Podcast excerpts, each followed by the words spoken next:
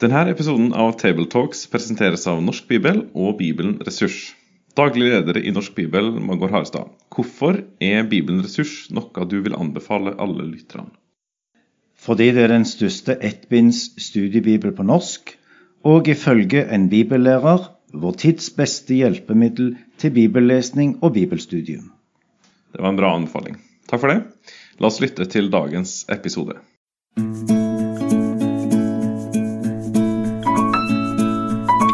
Velkommen til denne episoden av podkasten Tabletalks Søndagsteksten, som blir presentert av den kristne ressurssida foross.no.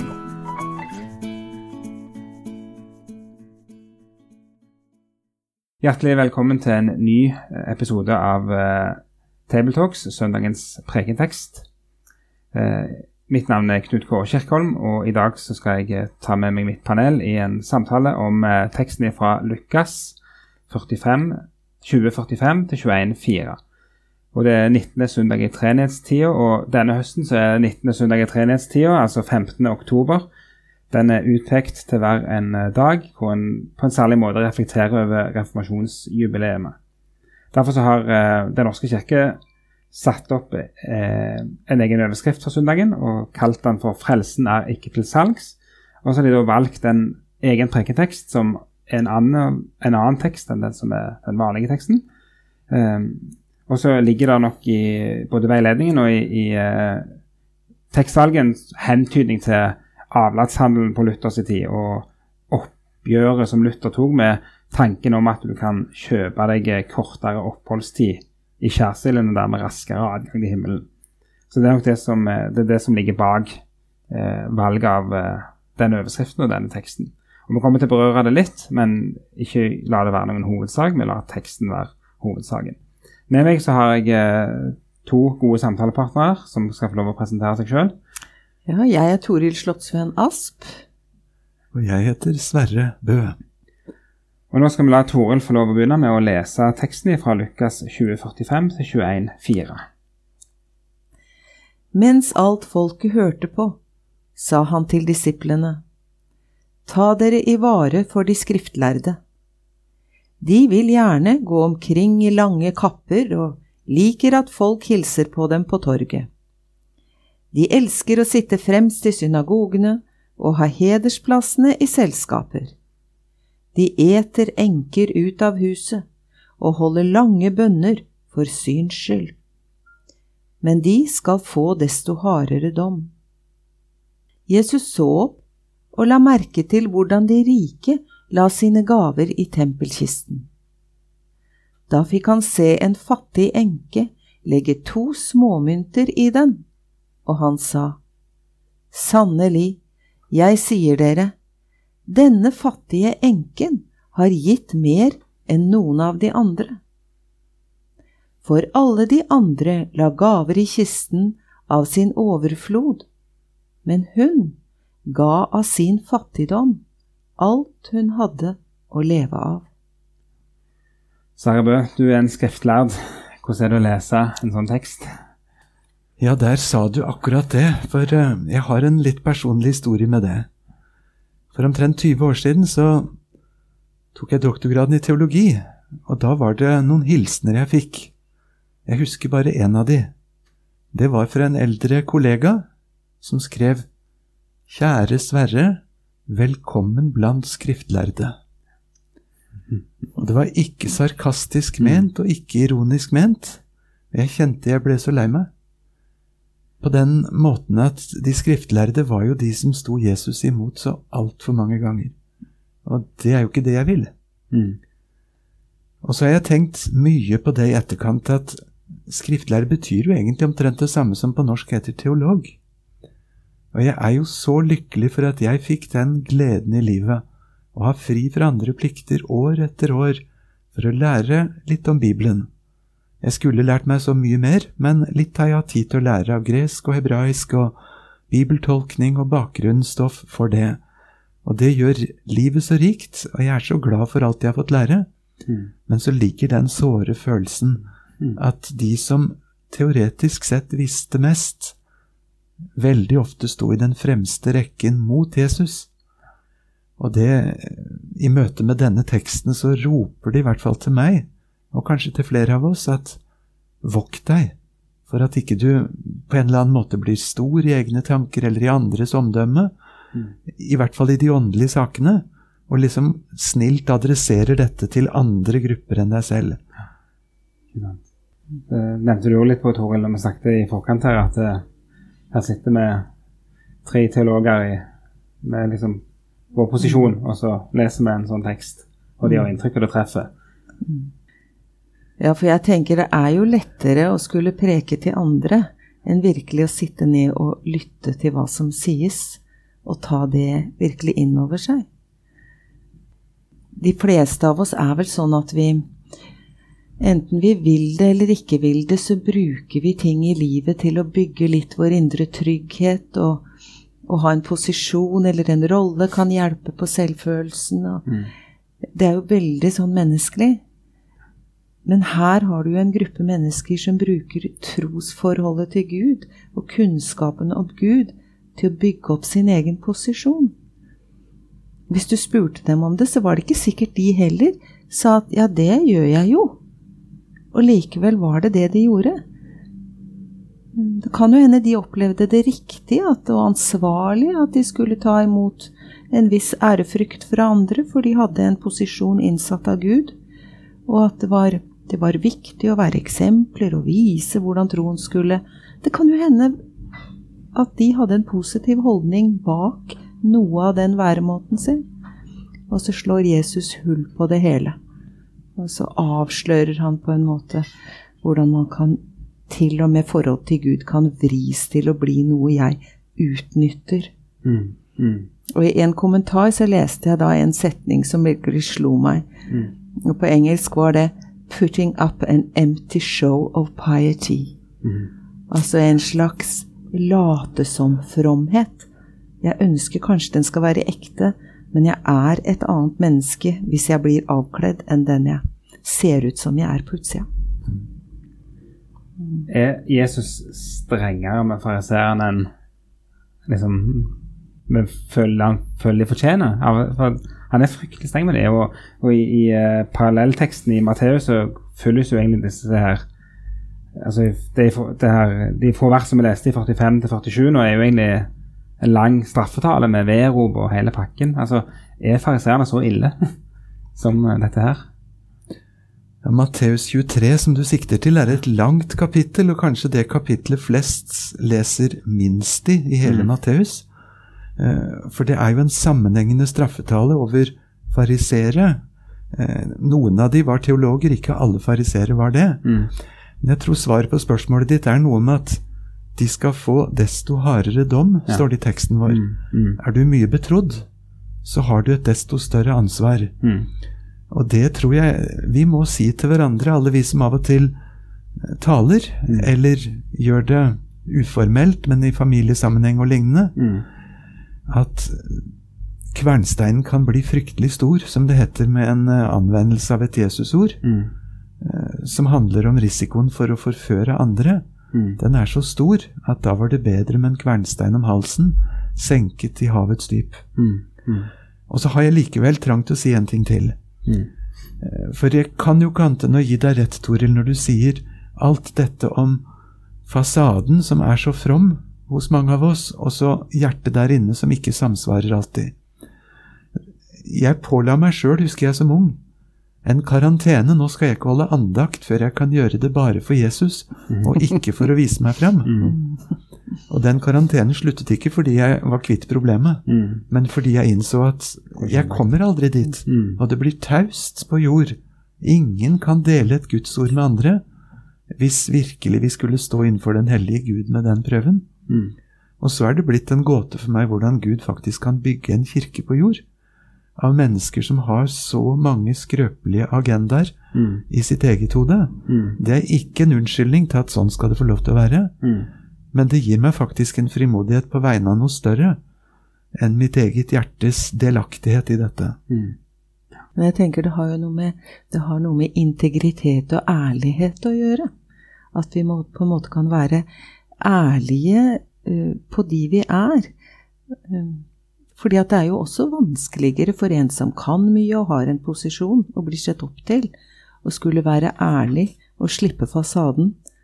Eh, så, så noe av den ærligheten, kanskje, den ektheten Og jeg tenker, det er jo noe med at de skriftlærde og fariseerne, det var jo de framfor alle andre som virkelig skulle ha forstått, forstått da, litt i gåseøynene, men kjent Guds vilje. Kjent Guds hjerte. Eh, Og eh, det er dra, farlig å dra inn eksempler, kanskje, litt sånn, men eh, vi sitter jo nå og ser på dommen i Jensen-saken. Mm. Og hvorfor ble den så voldsom? Fordi han var i en posisjon med et ansvar som det ble mye verre å ikke følge det opp. Mm. Liksom, og, og, bryte det. Mm. Et annet spørsmål som jeg eh, sitter med altså, når, når en eh, velger å ha disse to tekstene sammen, eh, så er det altså, Det står i 47 at de, de spiser enker ut av huset, og så kommer der ei fattig enke. Eh, er det litt sånn at Jesus eh, han sitter der og snakker, og så, og så ser han gjerne i kroken ei enke som kommer gående, og så sier han det, og så altså, kan vi liksom se for oss at, at hun her på en måte eksemplifisere hans poeng, eller er det ikke en sånn type forbindelse mellom, mellom disse to tekstene? Har du Ja, jeg tror bestemt at det er det. mm. Eh, Lukas evangeliet er satt sammen med Selvfølgelig er det det, men altså, det er jo Guds ord. Men det er satt sammen med et veldig blikk for sånne overganger og sammenhenger. Ja. Mm. Og denne tror jeg er aldeles tilsikta, Mm. også menneskelig sett fra Lukas sin side, Mm. når han skriver det ned. Mm. Og jeg vil si at den har en direkte parallell til f.eks. meg selv. Mm. Lønna mi er for en stor del gaver fra misjonsvenner. Mm. Mange av de tjener langt mindre enn enn jeg kanskje gjør, Mm. og mange jeg kjenner i, i min laug gjør det. Mm. Mm. Når jeg henter min lønn, så bokstavelig talt henter jeg det ifra noen som menneskelig sett er enker Mm. og ikke veldig formuende. Mm. Mm. Det legger et forvalteransvar på de kronene. Eh, nå tror jeg det at eh, selv enker i Norge har det langt bedre enn gjennomsnittet av de rundt oss, men jeg tror vi forstår poenget her. Mm. Mm. Eh, og for meg er det helt personlig. Jeg kjenner så mange mennesker jeg får bo hos, som er så nøysomme og sparsomme, og likevel har så mye å gi til misjonen. Mm. Og så sitter jeg som ansatt i misjonen og må be Gud om å vise meg den sammenhengen. Mm. Ja. Mm. Ikke sant. Og så tenker jeg på, det var vel ikke kanskje bare akkurat det med pengene også, men når enka kom inn, så blir det jo en sånn voldsom kontrast til de skriftlærde. Fordi hun var jo et ribbet menneske. Først hadde sorgen og livets situasjoner gjort henne eh, Ja, ribba henne. Eh, og i den situasjonen hvor hun da mista kanskje posisjonen sin, kanskje nettverket sitt, eh, økonomisk grunnlag Alt er liksom Det er et ribbet menneske. Jeg ser for meg at hun går litt sammensunket mellom alle de rike der, Mm. og skal slippe sitt opp i tempelkista. Og så, og så er hun villig på en måte til å ribbe selv det siste sjøl. Mm. Mm. Altså, hun slipper disse to myntene, og når de klinger ned i den kista, så har hun gitt alt. Og hva, og hva er det? Da har hun jo overgitt seg totalt. Mm. Hun har ingenting å bygge på. Ansvaret for livet, ansvaret for forhold til Gud. Hun har ingenting å stille opp med.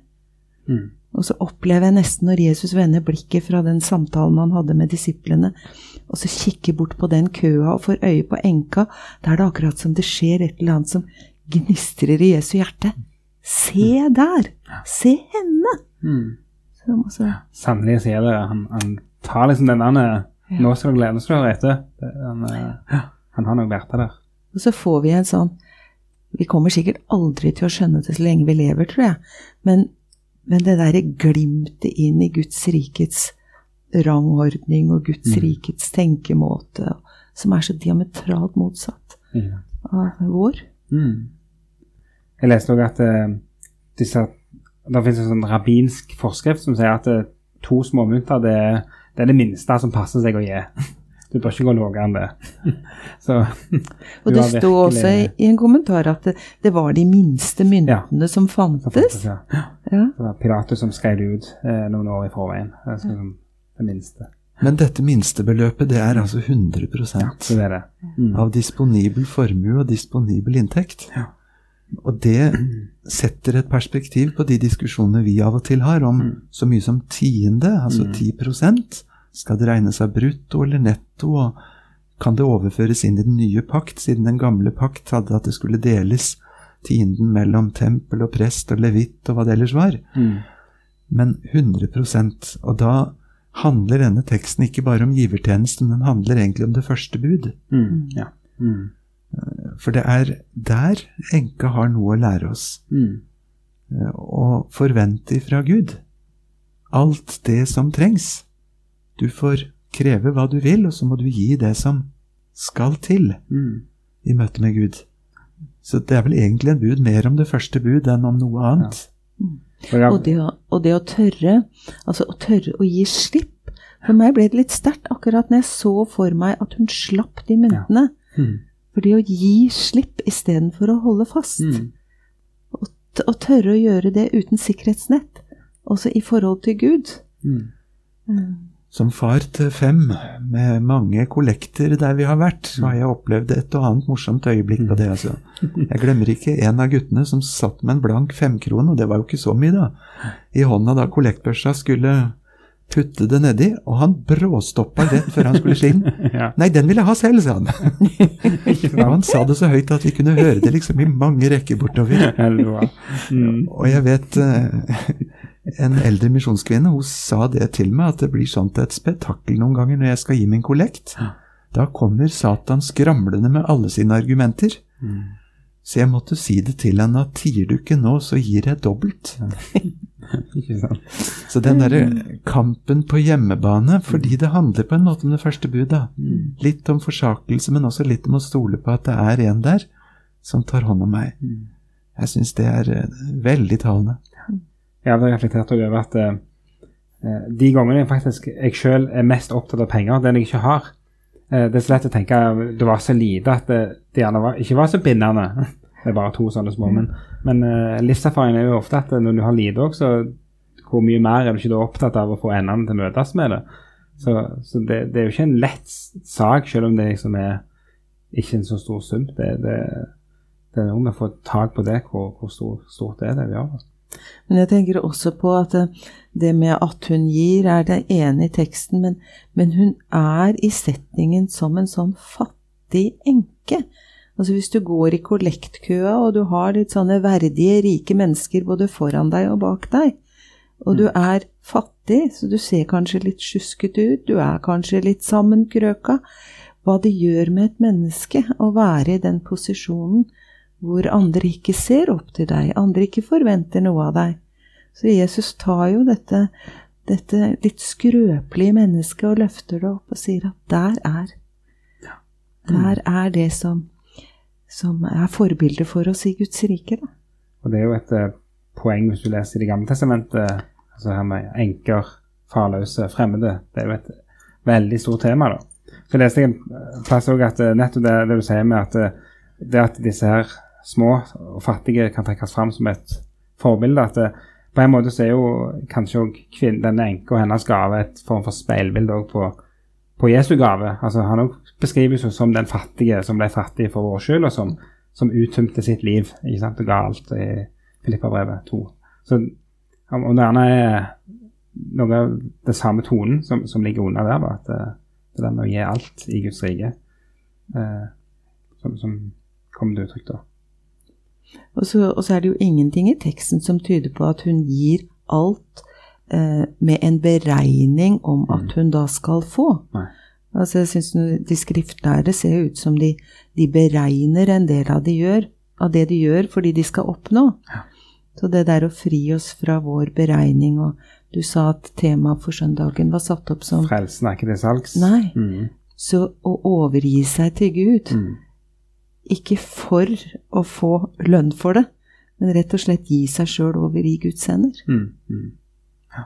Og det er gjerne det som er den naturlige, mest naturlige bindelinja til, med at frelsen ikke er til salgs, at det Ja.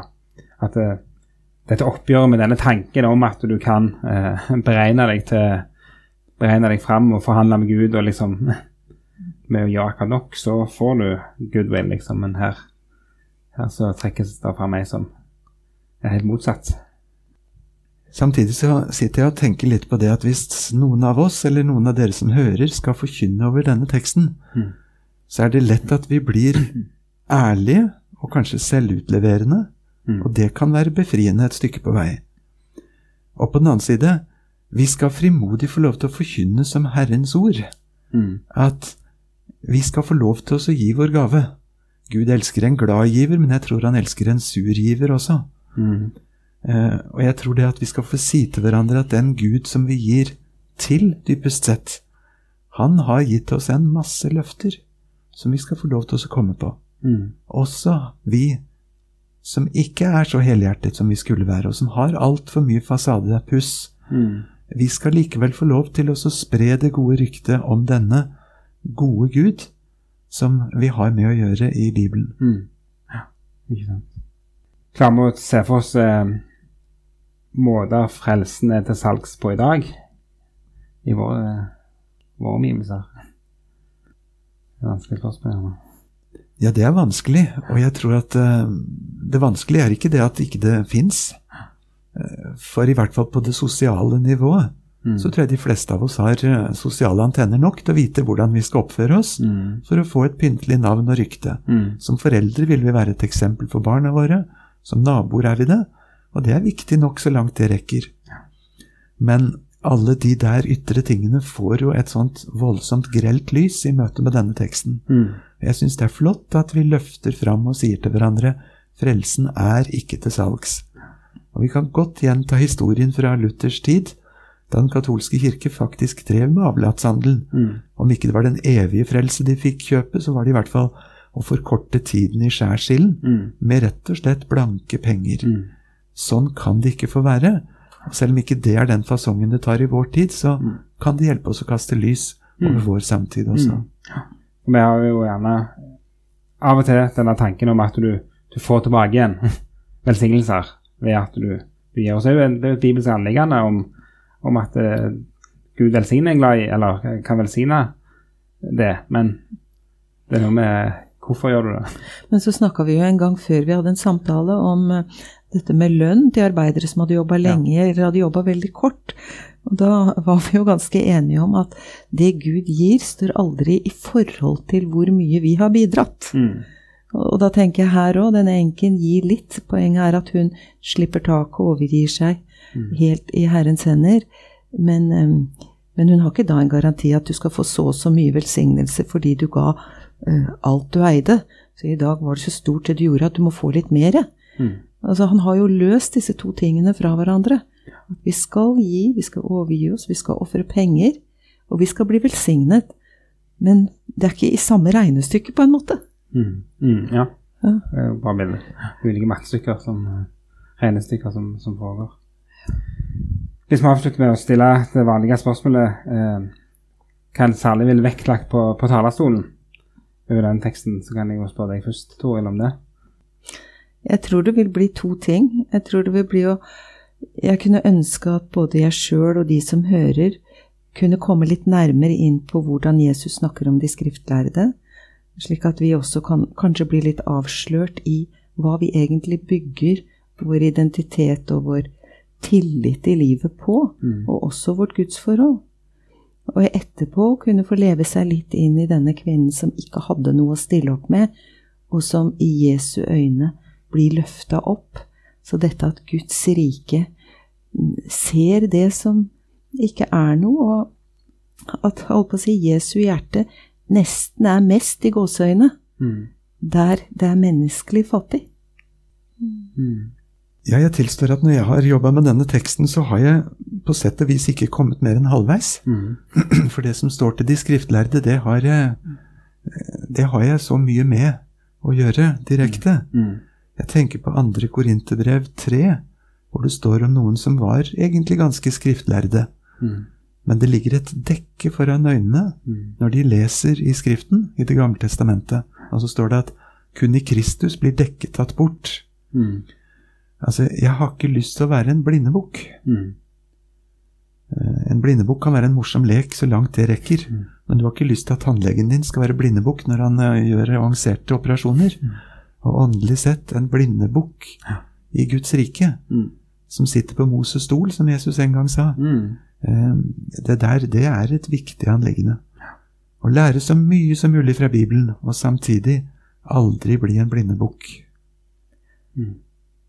Og så tenker jeg også på at det er faktisk ganske eh, krevende i våre kristne forsamlinger, både ungdommer og, og voksne, dette her at det, der det svake skulle bli løftet fram, er det også ofte de med synlige talenter og de med eh, spesielt god kunnskap og sånn som kommer fram. Og det er veldig lett også i troens forsamling å føle seg som den som ikke er noe verdt. Så Det syns jeg er en veldig utfordring for oss å ta med. Altså. Hvordan kan vi sammen arbeide for å åpne et større rom som stemmer mer med Jesu måte å tenke på? Mm. Ja. Fint. Med det så eh, ønsker vi å takke for oss, og eh, vi henviser til foross.no for uh, mer stoff om uh, både søndagers prekentekster og annet bibelstoff. Og så ønsker vi Guds velsignelse til alle de som skal tale over denne teksten her. Med det sier vi takk for følget for denne gang. Finn flere ressurser, og vær gjerne med å støtte oss på foross.no.